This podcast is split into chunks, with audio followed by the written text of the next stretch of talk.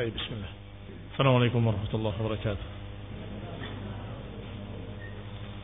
إن الحمد لله نحمده ونستعينه ونستغفره ونعوذ بالله من شرور أنفسنا ومن سيئات أعمالنا. من يهده الله فلا مضل له ومن يضلل فلا هادي له.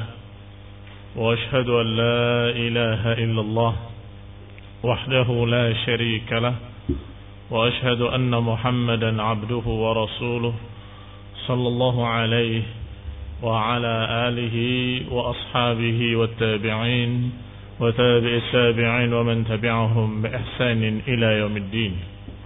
يا أيها الذين آمنوا اتقوا الله حق تقاته ولا تموتن إلا وأنتم مسلمون. يا أيها الناس اتقوا ربكم الذي خلقكم من نفس واحدة وخلق منها زوجها وبث منهما رجالا كثيرا ونساء. واتقوا الله الذي تساءلون به والأرحام. إن الله كان عليكم رقيبا. يا أيها الذين آمنوا اتقوا الله وقولوا قولا سديدا. يصلح لكم أعمالكم ويغفر لكم ذنوبكم. ومن يطع الله ورسوله فقد فاز فوزا عظيما أما بعد فإن خير الحديث كتاب الله وخير الهدي هدي محمد صلى الله عليه وعلى آله وسلم وشر الأمور محدثاتها فإن كل محدثة بدعة وكل بدعة ضلالة وكل ضلالة في النار Ikhwani fi din, a'azakumullah.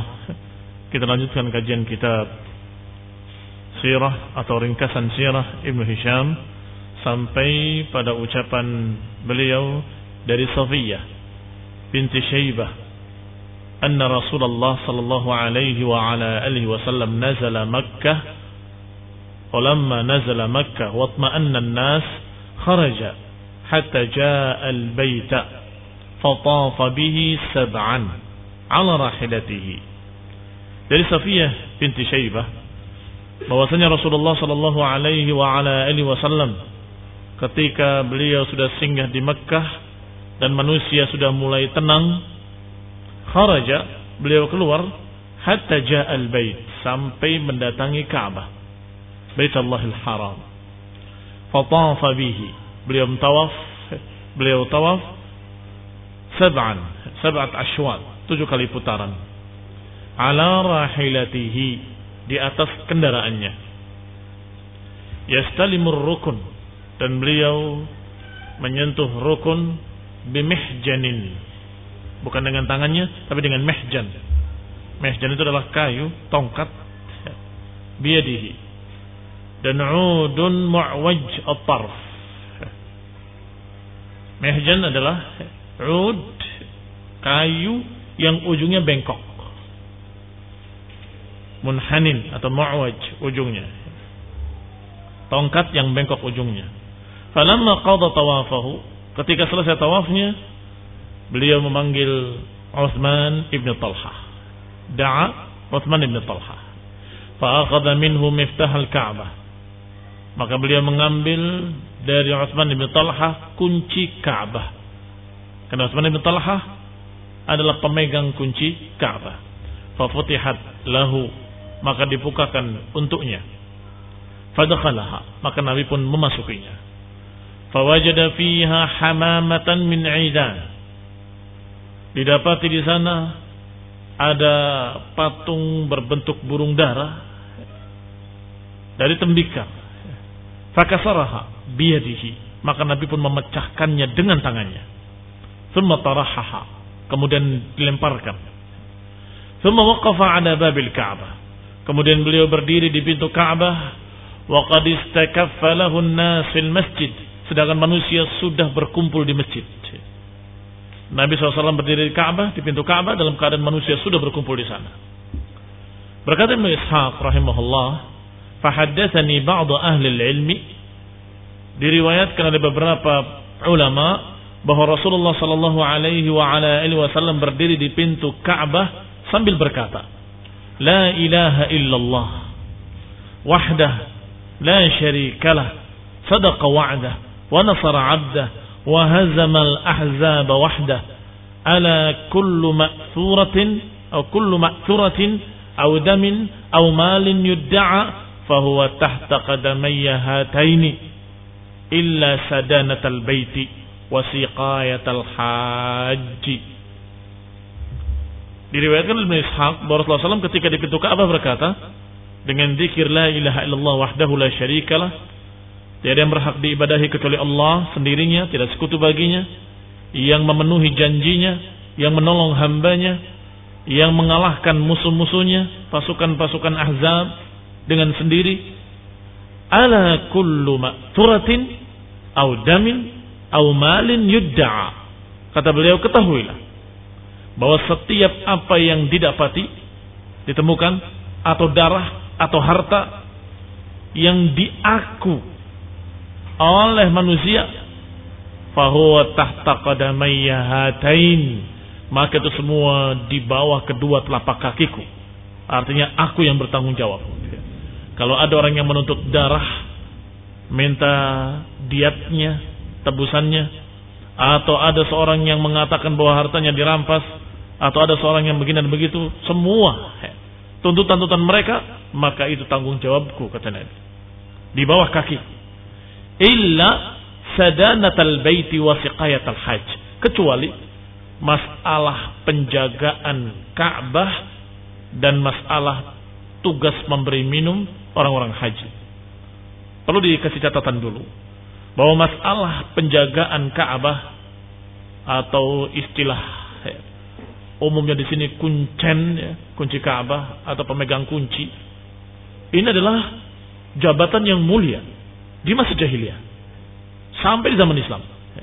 Di zaman jahiliyah mereka merasa bangga kalau memegang kunci Ka'bah dan bertanggung jawab terhadap tamu-tamu Allah Subhanahu wa taala. Itu sejak jahiliyah mereka merasa bangga. Sedangkan terakhir dipegang oleh siapa?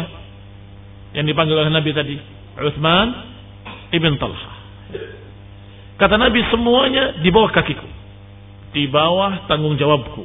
Kecuali masalah kunci Ka'bah dan masalah tanggung jawabnya atau masalah eh, tamu-tamu uh, Allah, orang-orang yang datang haji, maka itu tetap dipegang oleh suku yang memegangnya sejak jahiliyah.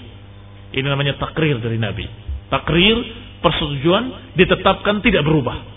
Tetap Uthman ibn Abi Talha, uh, ibn Talha dan kabilahnya dan keturunannya yang memegang masalah kunci Ka'bah dan masalah pelayanan terhadap tamu-tamu Allah Subhanahu wa taala. Kata Nabi itu dikecualikan illa sajanatul bait wa siqayatul haji. Siqayah walaupun maknanya memberi tuangan maksudnya yang memberi minum dan memberi makan para tamu-tamunya. Ala wa qatilal khata' Kemudian dibahas rinci tadi secara global. Masalah tuntutan darah, masalah tuntutan harta, masalah tuntutan segala macam itu minta kepadaku kata Nabi. Di bawah kakiku. Kemudian dirincikan siapa yang terbunuh karena kesalahan? Syibhil amad tetapi mirip dengan sengaja? Apakah bisautin aw asa? Apakah dengan cambuk cemeti atau dengan tongkat fafihi diyah mughalladhah. Maka dia harus membayar diatnya yang mughalladhah. Diat yang sangat besar. Mi'at minal ibil 100 ekor unta. Di sini masih sama dengan diat pembunuhan-pembunuhan lain. Tetapi masih ditambah. Arba'una minha fi butuniha aulad 40 dari 100 tadi adalah unta-unta bunting yang di dalamnya dalam keadaan ada anaknya. Ini azakullah unta yang dalam keadaan hamil tentunya lebih mahal, bahkan bisa dua kali lipat dari unta biasa. Ini kata Nabi 40 di antaranya harus dalam keadaan bunting. Apa itu pembunuhan syibhul amad? Pembunuhan tidak sengaja tapi mirip dengan sengaja. Ya, ini ada seorang misalnya kena jengkel memukul orang dengan cambuk atau dengan tongkatnya. Tidak bermaksud membunuhnya tetapi ketika dipukul, dipukul, entah terkena apanya, tiba-tiba fatal akibatnya. Dan kemudian meninggal. Ya. Orang tadi akan berkata, saya tidak bermaksud membunuh. Apa buktinya tidak bermaksud membunuh? Bisautin au asa. Cambuk itu umumnya tidak mematikan. Demikian pula tongkat tumpul umumnya tidak mematikan. Bahkan di pengadilan-pengadilan positif dunia pun akan menganggap bahwa itu bukan senjata tajam, bukan senjata yang ada delik hukumnya. Kenapa? Karena umumnya tidak mematikan. Tetapi kalau ternyata tidak disengaja, mati. Saya tidak bermaksud membunuh. Ini adalah syibul amat. Maka diancamnya dengan ancaman keras. Bukan hanya diat biasa, tetapi diat 100 ekor unta plus yang 40 harus dalam keadaan hamil. Ya ma'asyara Quraisy, masih ucapan Rasulullah selanjutnya. Wahai ma'asyara Quraisy, inna Allah qad adhaba ankum nakhwatal jahiliyah. Wahai orang-orang Quraisy, sesungguhnya Allah telah menghilangkan dari kalian kebiasaan jahiliyah wa ta'adzumaha bil aba dan juga membangga-banggakan nenek moyang, membangga-banggakan sukunya masing-masing. Ini sudah dihilangkan oleh Allah Subhanahu wa taala. Adam. Manusia semuanya dari Adam. Wa Adam min turab dan Adam dari turab, dari tanah. Maka seluruh bangsa-bangsa, suku-suku, kabilah-kabilah semuanya tidak perlu saling membanggakan sukunya, saling membanggakan turunannya karena inna akramakum indallahi atqakum. Inna akramakum indallahi atqakum. Walaupun ada riwayat-riwayat yang mengesankan yang menunjukkan bahwa Rasulullah SAW dipilih dari bangsa terbaik, dari suku terbaik, dari keluarga terbaik. Artinya dipilih dari bangsa Arab yang tentunya lebih baik daripada Ajam dan kemudian dari Quraisy yang lebih baik dari suku-suku lainnya dan dari Quraisynya dipilih dari Bani Hashim yang lebih utama dari semua yang lainnya. Dari 12 suku Quraisy. Ini pun tetap berkait dengan ketakwaan. Inna akramakum indallahi atqakum kalau tidak bertakwa walaupun dari suku Quraisy walaupun dari kalangan Arab walaupun dari kalangan Bani Hashim, bahkan dari turunan Nabi sekalipun. Kalau ada turunan Nabi dari laki-laki. Sekarang yang ada yang mengaku-ngaku turunan Nabi adalah turunan Ali ibn Abi Thalib. Dari anak Rasulullah SAW Fatimah. Maka itu bukan turunan Nabi, tapi turunan Ali. Kalaupun dari turunan Ali, kalau dia tidak takwa, maka hilang seluruh kemuliaannya. Sebaliknya, kalau dia bertakwa, ternyata dia dari kalangan Arab dari Quraisy maka kemuliaannya lebih tinggi daripada orang yang bertakwa lainnya. Alhamdulillah kembali kepada ucapan Rasulullah SAW. Ya ma'asyaral Quraisy, Inna Allah qad adhaba ankum nakhwatal jahiliyah wa ta'uddumaha bil aba. Wahai orang-orang Quraisy, wahai bangsa Quraisy, sesungguhnya Allah sudah menghilangkan dari kalian kebiasaan jahiliyah dan berbangga-banggaan dengan keturunan. Manusia seluruhnya dari Adam sama saja dan Adam dari tanah. Termatala hadhil ayah. Kemudian Nabi membacakan ayat ini. Ya ayyuhan nasu inna khalaqnakum min dzakarin wa untha waja'alnakum syu'uban wa qabaila lita'arafu inna akramakum 'indallahi atqakum. Wahai manusia, sesungguhnya kami menciptakan kalian dari laki-laki dan perempuan, berbangsa-bangsa, bersuku-suku agar kalian saling kenal mengenal Sesungguhnya yang paling utama di kalangan kalian adalah yang paling bertakwa di antara kalian. Sehingga suku-suku tadi, bangsa-bangsa tadi disebut-sebut tetapi hanya sekedar mengenali fulan dari Bani Fulan, si fulan dari Quraisy, si fulan dari Bani Adi, si fulan dari Bani Tamim. Hanya untuk mengenali saja. Adapun kemuliaan inna akramakum indallahi atqakum. Thumma qala ya masyar ya ma'syar Quraisy. Kemudian Nabi berkata lagi sallallahu alaihi wa ala alihi wasallam. Ya ma'syar Quraisy, ma turawna anni fa'ilun bikum? Wahai bangsa Quraisy, apa yang kalian prasangkakan kepada aku? Apa kira-kira pendapat kalian yang akan aku perbuat? Ini menurut kalian, aku akan berbuat apa terhadap kalian? Diarahkan kepada siapa ini? diarahkan kepada mereka-mereka yang masih musyrikin yang mereka dalam keadaan sudah kalah, sudah dikuasai oleh Rasulullah. Kira-kira kami akan berbuat apa terhadap kalian? Lalu mereka menjawab khaira. Kebaikan. Jadi kami menduga pasti kebaikan. Akhun karim wabnu akhin karim. Engkau saudara kami yang mulia, anak dari saudara kami yang mulia.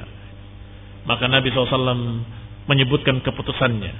Idhabu fa'antumut tulaqa. Pergilah kalian. Kalian bebas. Pergilah kalian. Kalian bebas. Tulaqa bentuk jamak dari taliq.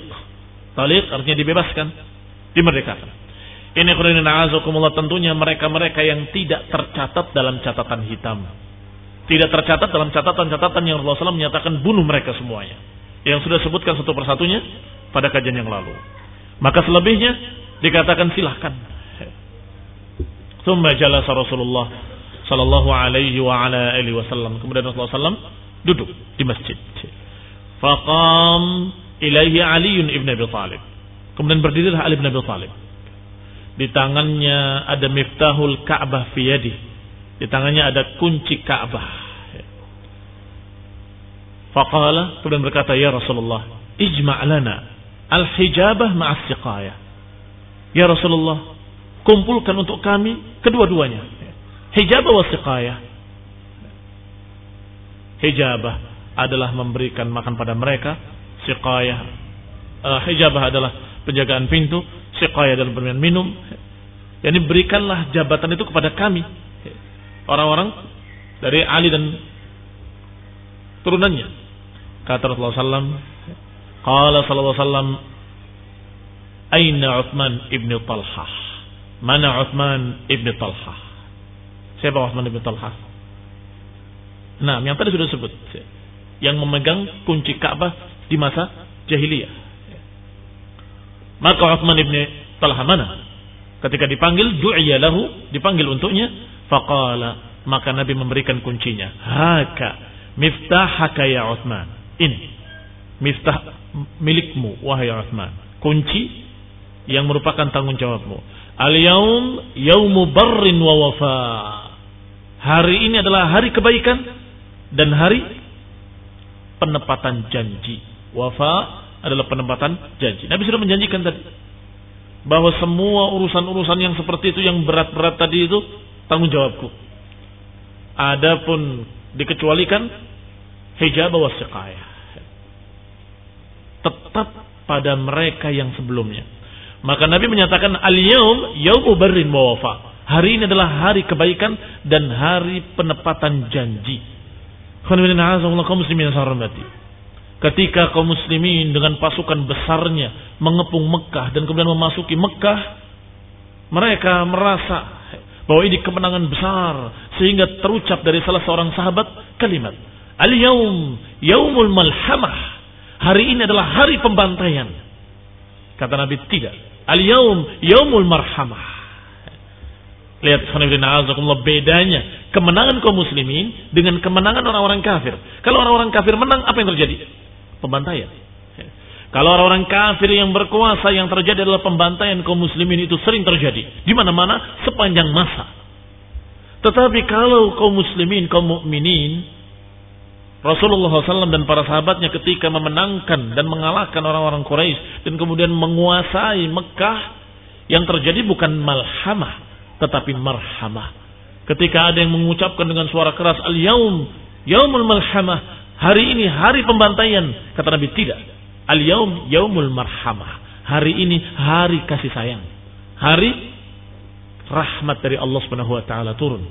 Maka dikatakan di sini dengan kalimat al yaum yauma barrin. Hari ini hari kebaikan. Kalau kaum muslimin menang, kalau sebuah negeri dikuasai oleh orang-orang yang beriman, dikuasai oleh orang-orang yang beriman pada Allah dan Rasulnya, dijamin pasti rahmat yang terjadi. Yang terjadi adalah kebaikan. Yang terjadi adalah kemakmuran. Masya Allah. Sallallahu alaihi wa ala alihi wasallam. Diriwayatkan oleh Ibn Hisham ada satu kisah. Qala haddathani ba'du ahli ilmi anna Rasulullah sallam dakhala al-bait yawm al-fath. Disampaikan kepada oleh para ulama kata Ibn Hisham bahwa Rasulullah SAW masuk ke Ka'bah pada hari dibukanya kota Mekah. Fara'a fihi suwar al-malaikah ternyata didapat di dalamnya ada gambar-gambar malaikat. Sebagaimana gambar-gambar di gereja, malaikat-malaikat dengan sayap-sayap segala macam. Yang lebih menjengkelkan lagi, ra'a Ibrahim alaihi salam musawwaran. Melihat juga gambar Ibrahim alaihi salam digambar di dinding-dindingnya. Fi yadihil azlam yastaqsimu biha. Yang di tangannya ada azlam, azlam itu tongkat-tongkat untuk undi nasib. Seperti anak-anak panah, tetapi nggak ada ujung tajamnya, nggak ada bulu-bulunya. Untuk undi nasib. Digambar Ibrahim sedang undi nasib. Maka Nabi SAW marah dan menyatakan qatalahumullah. Semoga Allah memerangi mereka. Ja'alu syaikhana yastaqsim bil azlam. Mereka menggambarkan syekh kami, tokoh besar kami Ibrahim alaihissalam mengundi nasib. Masya'na Ibrahimul azlam. Apa urusannya Ibrahim dengan azlam?